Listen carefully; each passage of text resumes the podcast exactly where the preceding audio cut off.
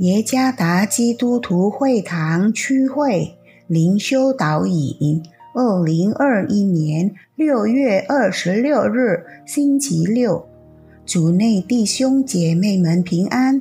今天的灵修导引，我们要借着《圣经·使徒行传》十八章第一到第四节来思想今天的主题：互相支持的家庭。作者李永峰牧师，《使徒行传》十八章第一到第四节。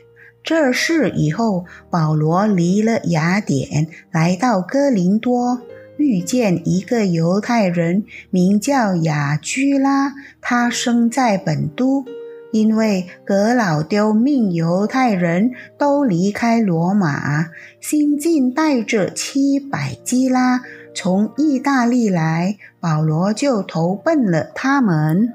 他们本是制造帐篷为业，保罗因与他们同业，就和他们同住做工。每逢安息日，保罗在会堂里辩论、劝化犹太人和希利尼人。有一对为服侍上帝而活的夫妻，他们是雅居拉和百基拉，是一对居住在哥林多、心智相同且同行服侍上帝的夫妻。使徒保罗曾与他们同住一年半之久。他们甚至一起工作，因为他们具有相同的技能，就是制造帐篷。雅居拉和百基拉的家庭在工作和侍奉上成为一个同工合作的团队。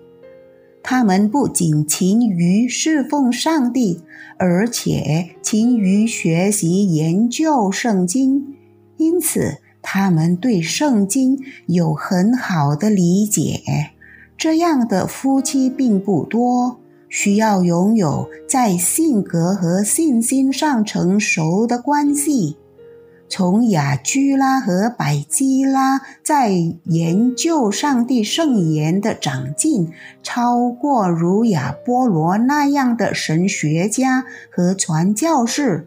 看得出来，这样的性格和信心，雅居拉和百基拉是当今家庭的榜样。